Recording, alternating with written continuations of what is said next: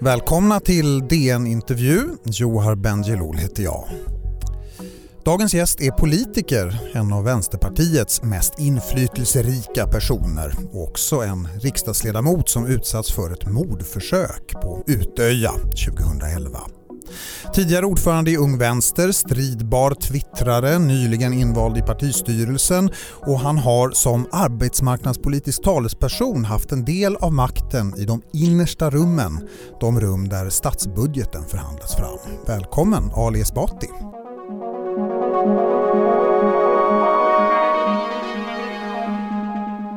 Ja, vad kan du berätta om hur stämningen varit i de där rummen där budgeten förhandlas? Beskriv det gärna så mustigt som du kan. Ja, eh, det ingår ju i och för sig i ett, eh, i ett förhandlingsarbete att man får eh, ehm, det bygger mycket på förtroende, att man, man gör saker som man är överens om och man ja, har, har förtroende för varandras integritet och så. Så det innebär ju att det också man inte berättar allting. Lite som Svenska Akademin?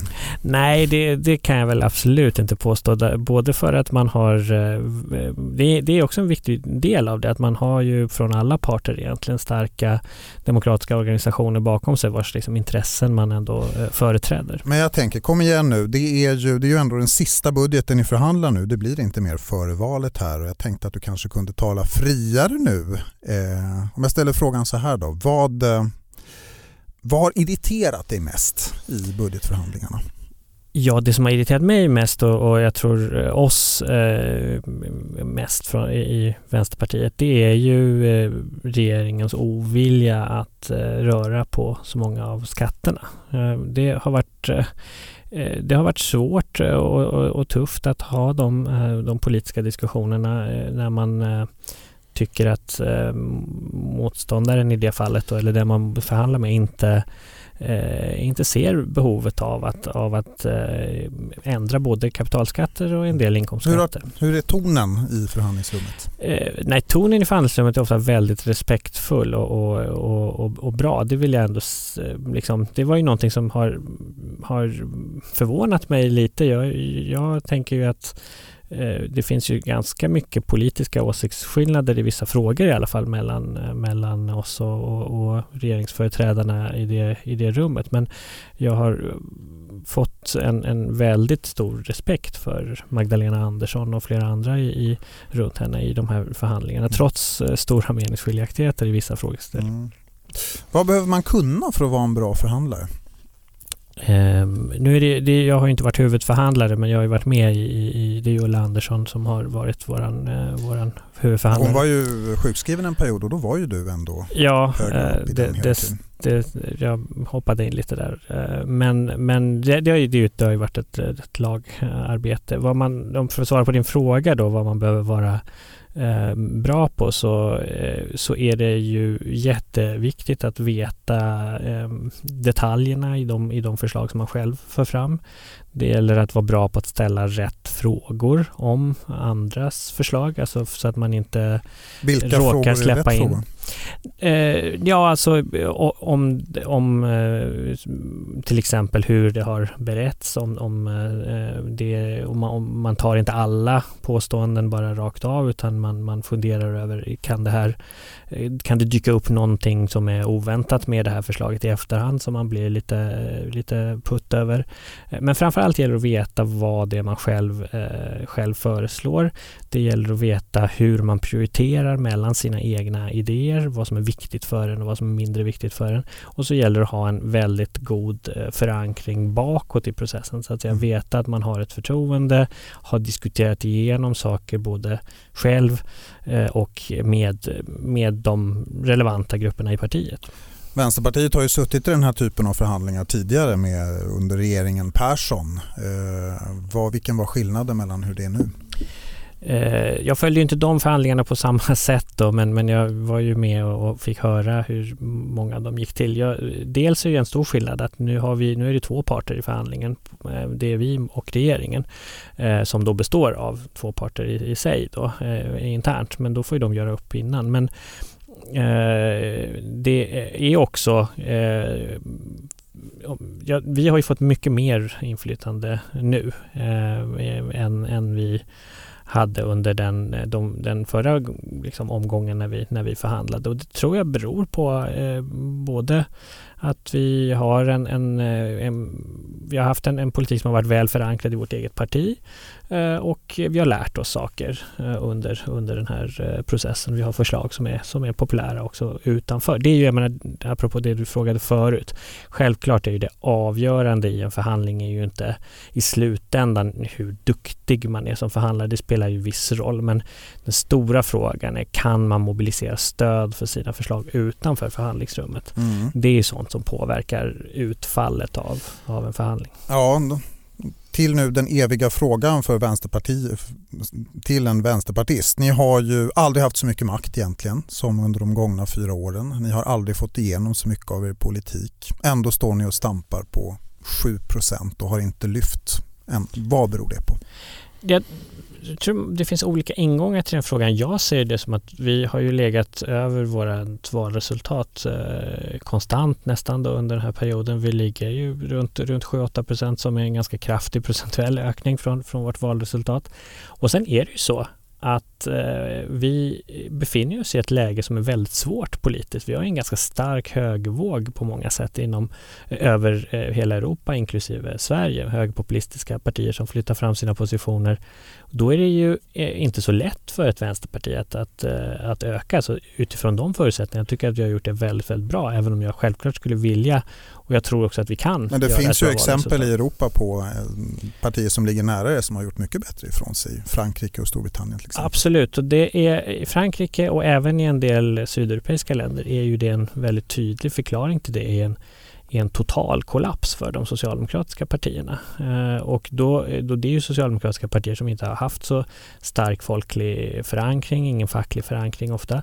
Eh, och, och, när de, de har ju nästan utraderats i, i Frankrike, eh, i, i, Grekland till exempel. I England ser vi ju eh, tvärtom någonting som jag tror att både socialdemokratiska och vänstersocialistiska partier som våra kan lära sig av. Det vill säga att en, en tydlig eh, tydlig realistisk eh, vänsterlinje eh, som handlar om, om eh, att vara inkluderande och, vara, eh, och, och, och, stå på, eh, på välfärdsbyggets sida kan ge väldigt goda resultat. Hur är eh, läget annars då på jobbet? Hur har ni det i Vänsterpartiets riksdagsgrupp nu för tiden? Vi har det eh, väldigt bra faktiskt. Jag har ju följt eh, många riksdagsgrupper. Jag har ju själv både jobbat som, som tjänsteman och som ungdomsförbundsordförande har jag ju varit med på möten och sådär. Och det är nog eh, mindre konflikter än på länge. Sen kanske det inte säger så mycket i ja, Vänsterpartiet. Alltså men, det jag syftar men, på är ju ja. att eh, om man följer medierapporteringen så har det handlat väldigt mycket om personkonflikter och interna konflikter. Det har handlat om riksdagsledamoten Amineh Kakabaveh, synen på hedersförtryck. Det har Rosanna Dinamarca har hoppat av. Det finns en Emma Wallrup, en riksdagsledamot som har uteslutit ur riksdagsgruppen, anklagas då för att ha trakasserat en mm. riksdagskollega. Eh, hur upplever du detta? Eh, det är ju väldigt olika saker som, som du tar upp. När det gäller Rosanna till exempel så har hon inte alls hoppat av. Hon eh, deltar väldigt aktivt i, i riksdagsgruppens arbete. Hon har inte ställt upp till omval efter fyra perioder för en femte period. Och det är något eh, väsensskilt från de, de Hon har ju en del intervjuer uttryckt att partiet är toppstyrt och Absolut, jag håller inte med om just det men vi har ett väldigt gott samarbete och hon deltar som sagt aktivt i, Eh, i riksdagsgruppens arbete har en väldigt viktig position som socialförsäkringspolitisk talesperson. Mm. Men de två andra, där finns det betydande personkonflikter. Det är ju svårt att säga. Ja, där, återigen så är det, det är också två olika eh, situationer. När det gäller, eh, när det gäller Amine så har det ju eh, varit en del eh, diskussion om hur man ska arbeta som, som, som riksdagsledamot där, där det inte alltid varit eh, överens. Menar du på, du säger att det är så god stämning, menar du på allvar att eh, allt detta inte påverkar känslan och stämningen? Nej, det är klart att det påverkar. Men,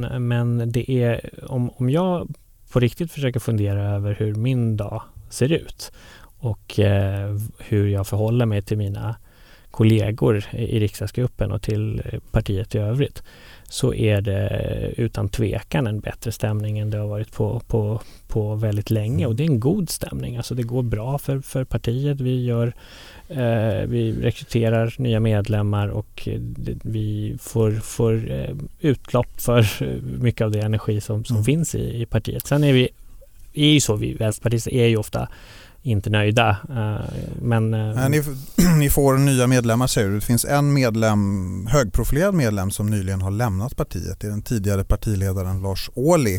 Mm. Eh, hur tycker du han har blivit behandlad av Vänsterpartiet? Det är en väldigt svår fråga att diskutera för det är så, så person, alltså det är en så relaterat till en så speciell händelse. Ja, berättelsen är att han har då erkänt att han har betett sig olämpligt i det ord han använt mot en kvinna och så blev han då partiledningen beslutade att han inte var välkommen på partiarrangemang och han mm. tyckte att han då var rättslös och han beslutade då gå ur partiet. Ungefär så var det. Jag hur, är din, är, hur tycker du att han blev behandlad?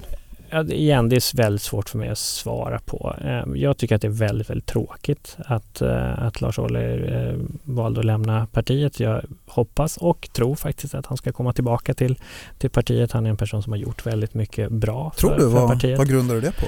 Ja, för, nej jag tror och tror, men jag hoppas det. Att han, att, han, eh, att han ska göra det därför att han hör ju hemma i, i, i Vänsterpartiet. Jag tycker det är bra att han var tydlig med att det var fel det han, det han gjorde. Och sen så hur, hur den kommunikationen efteråt har eh, gått till och huruvida han har, så att säga, han borde kanske ha lyssnat mer på vad som sades om vad han skulle kunna göra. Men den här känslan av rättslöshet som han har pratat om, att han tycker att det har inte förekommit någon utredning om vad som hände och att han hade ingen möjlighet att försvara sig. Vad tänker du om det?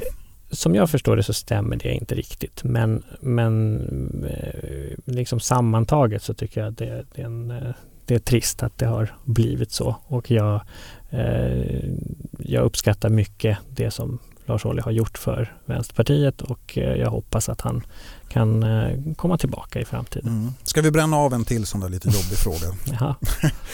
Det är en som dina politiska motståndare gärna häftar fast vid dig. Det är Venezuela. Mm. Eh, vad tycker du om utvecklingen i Venezuela?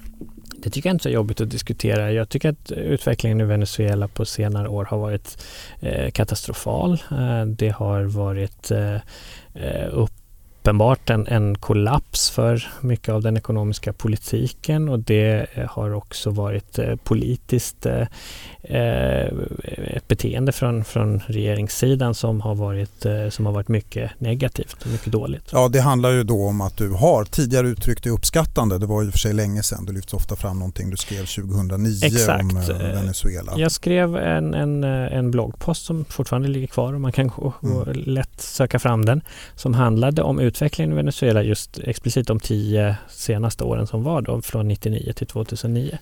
Och där vill jag eh, säga att eh, det finns, jag har ingen skäl att, att, eh, att ändra mig om, om det. Att det, var, det var en väldigt dramatiskt god utveckling för, för stora viktiga grupper i Venezuela. Men vad tänker du om att det inte blev som du tänkt dig?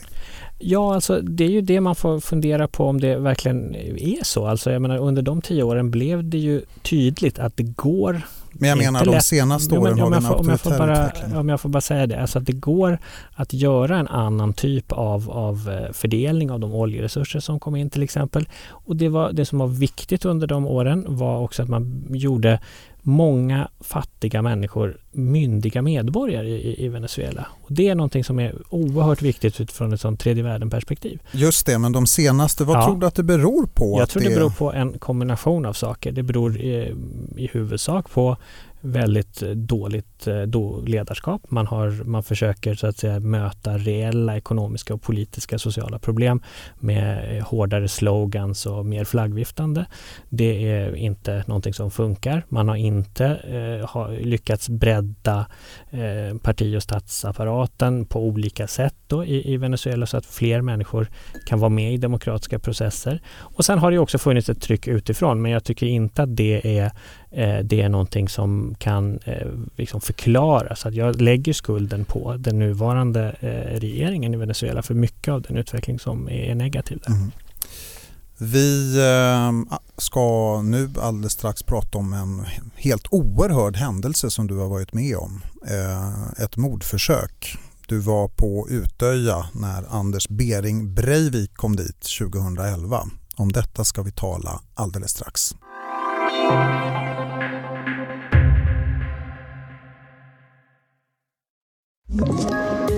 Ett poddtips från Podplay. I fallen jag aldrig glömmer djupdyker Hasse Aro i arbetet bakom några av Sveriges mest uppseendeväckande brottsutredningar. Går vi in med hemlig telefonavlyssning och, och då upplever vi att vi får en total förändring av hans beteende. Vad är det som händer nu? Vem är det som läcker? Och så säger han att jag är kriminell, jag har varit kriminell i hela mitt liv men att mörda ett barn, där går min gräns. Nya säsongen av Fallen jag aldrig glömmer på Podplay.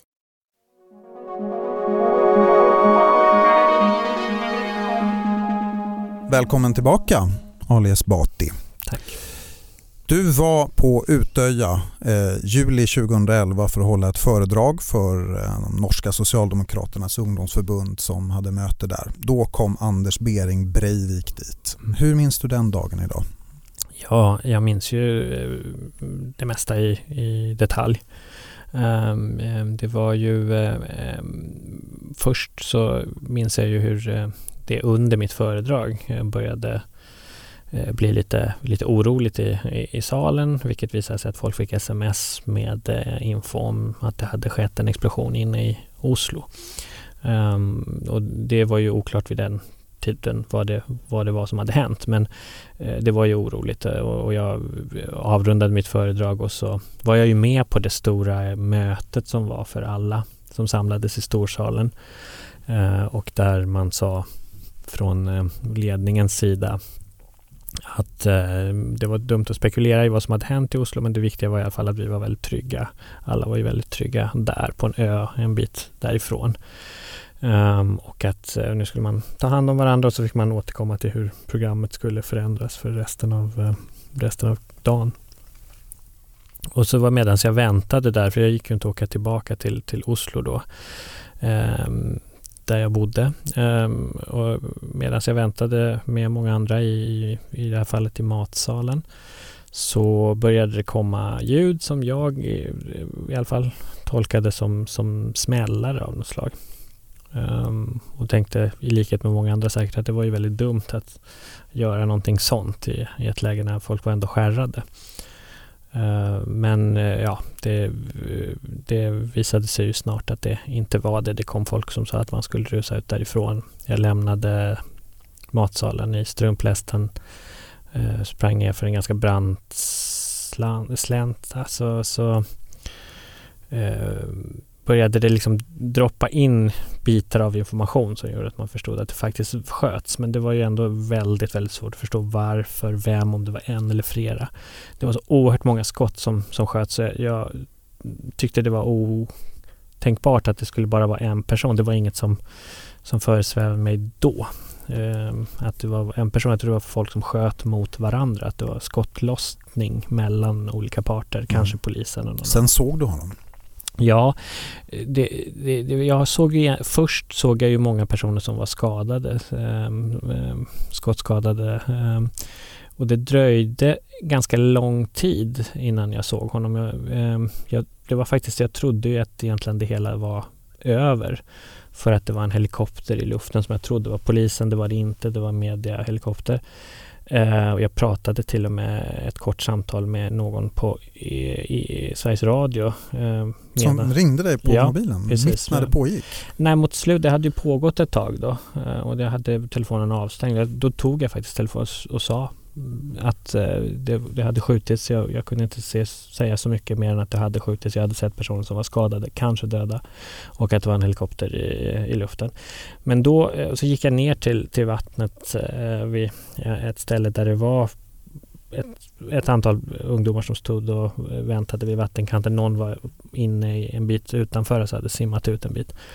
Och då hörde jag ju ett, eh, ett eh, så prasslande ljud en bit eh, in.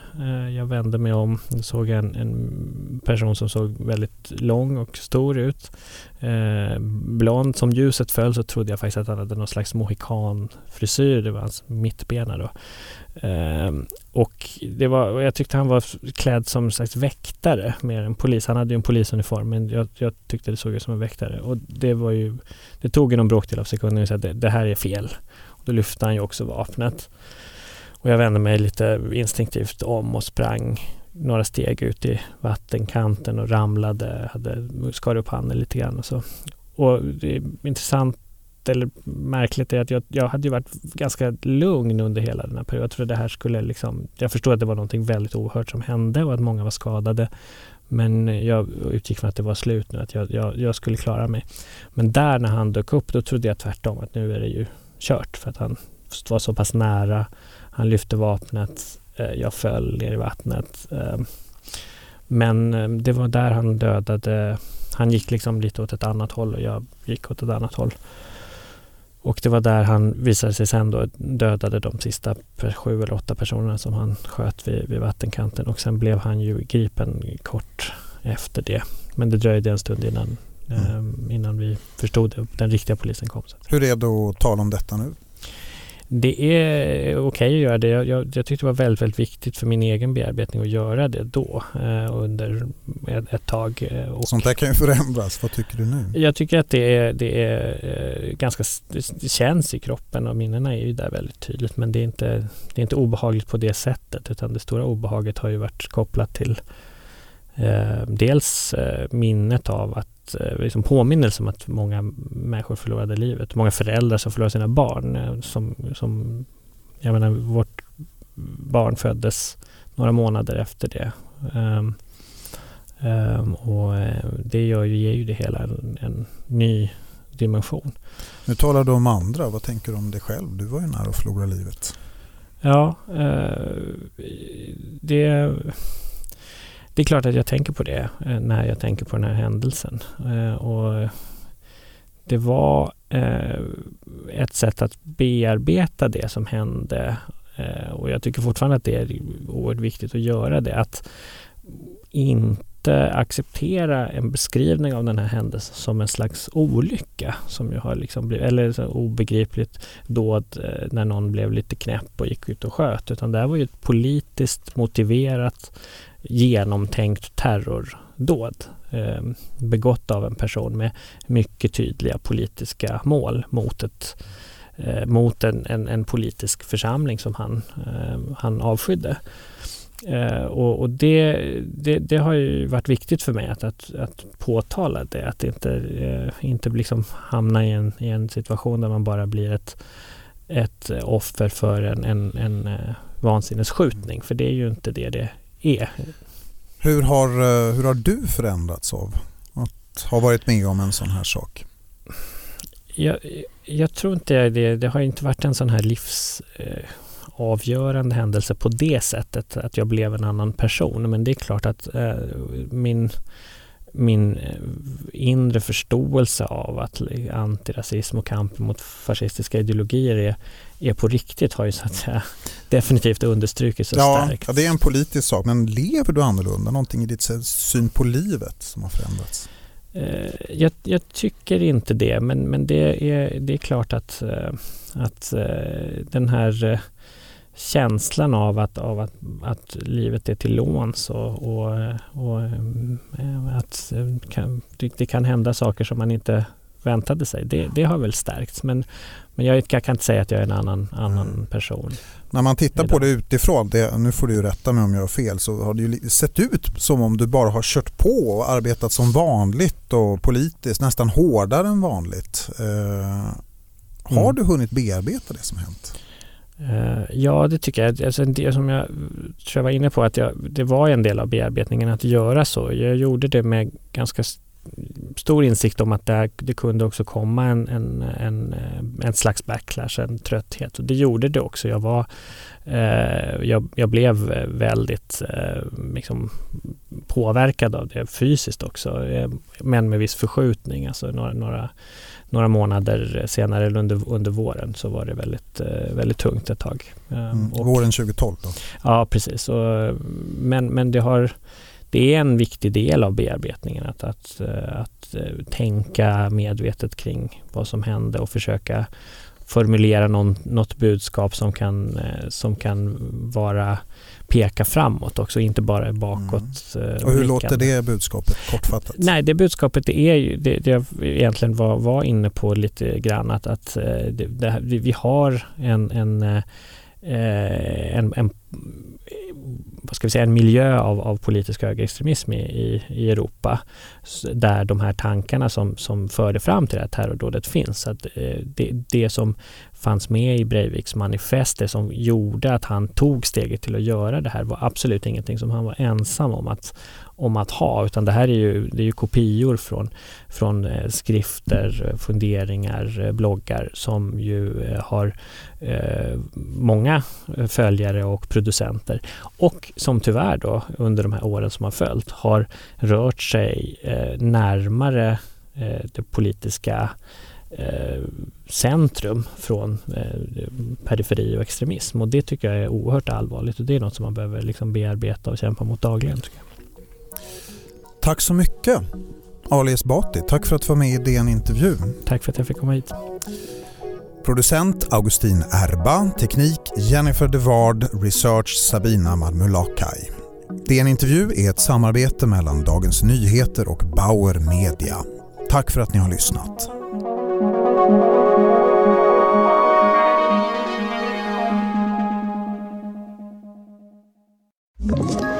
Ett poddtips från Podplay. I fallen jag aldrig glömmer djupdyker Hasse Aro i arbetet bakom några av Sveriges mest uppseendeväckande brottsutredningar går vi in med hemlig telefonavlyssning och, och då upplever vi att vi får en total förändring av hans beteende. Vad är det som händer nu? Vem är det som läcker? Och så säger han att jag är kriminell, jag har varit kriminell i hela mitt liv men att mörda ett barn, där går min gräns. Nya säsongen av Fallen jag aldrig glömmer på Podplay.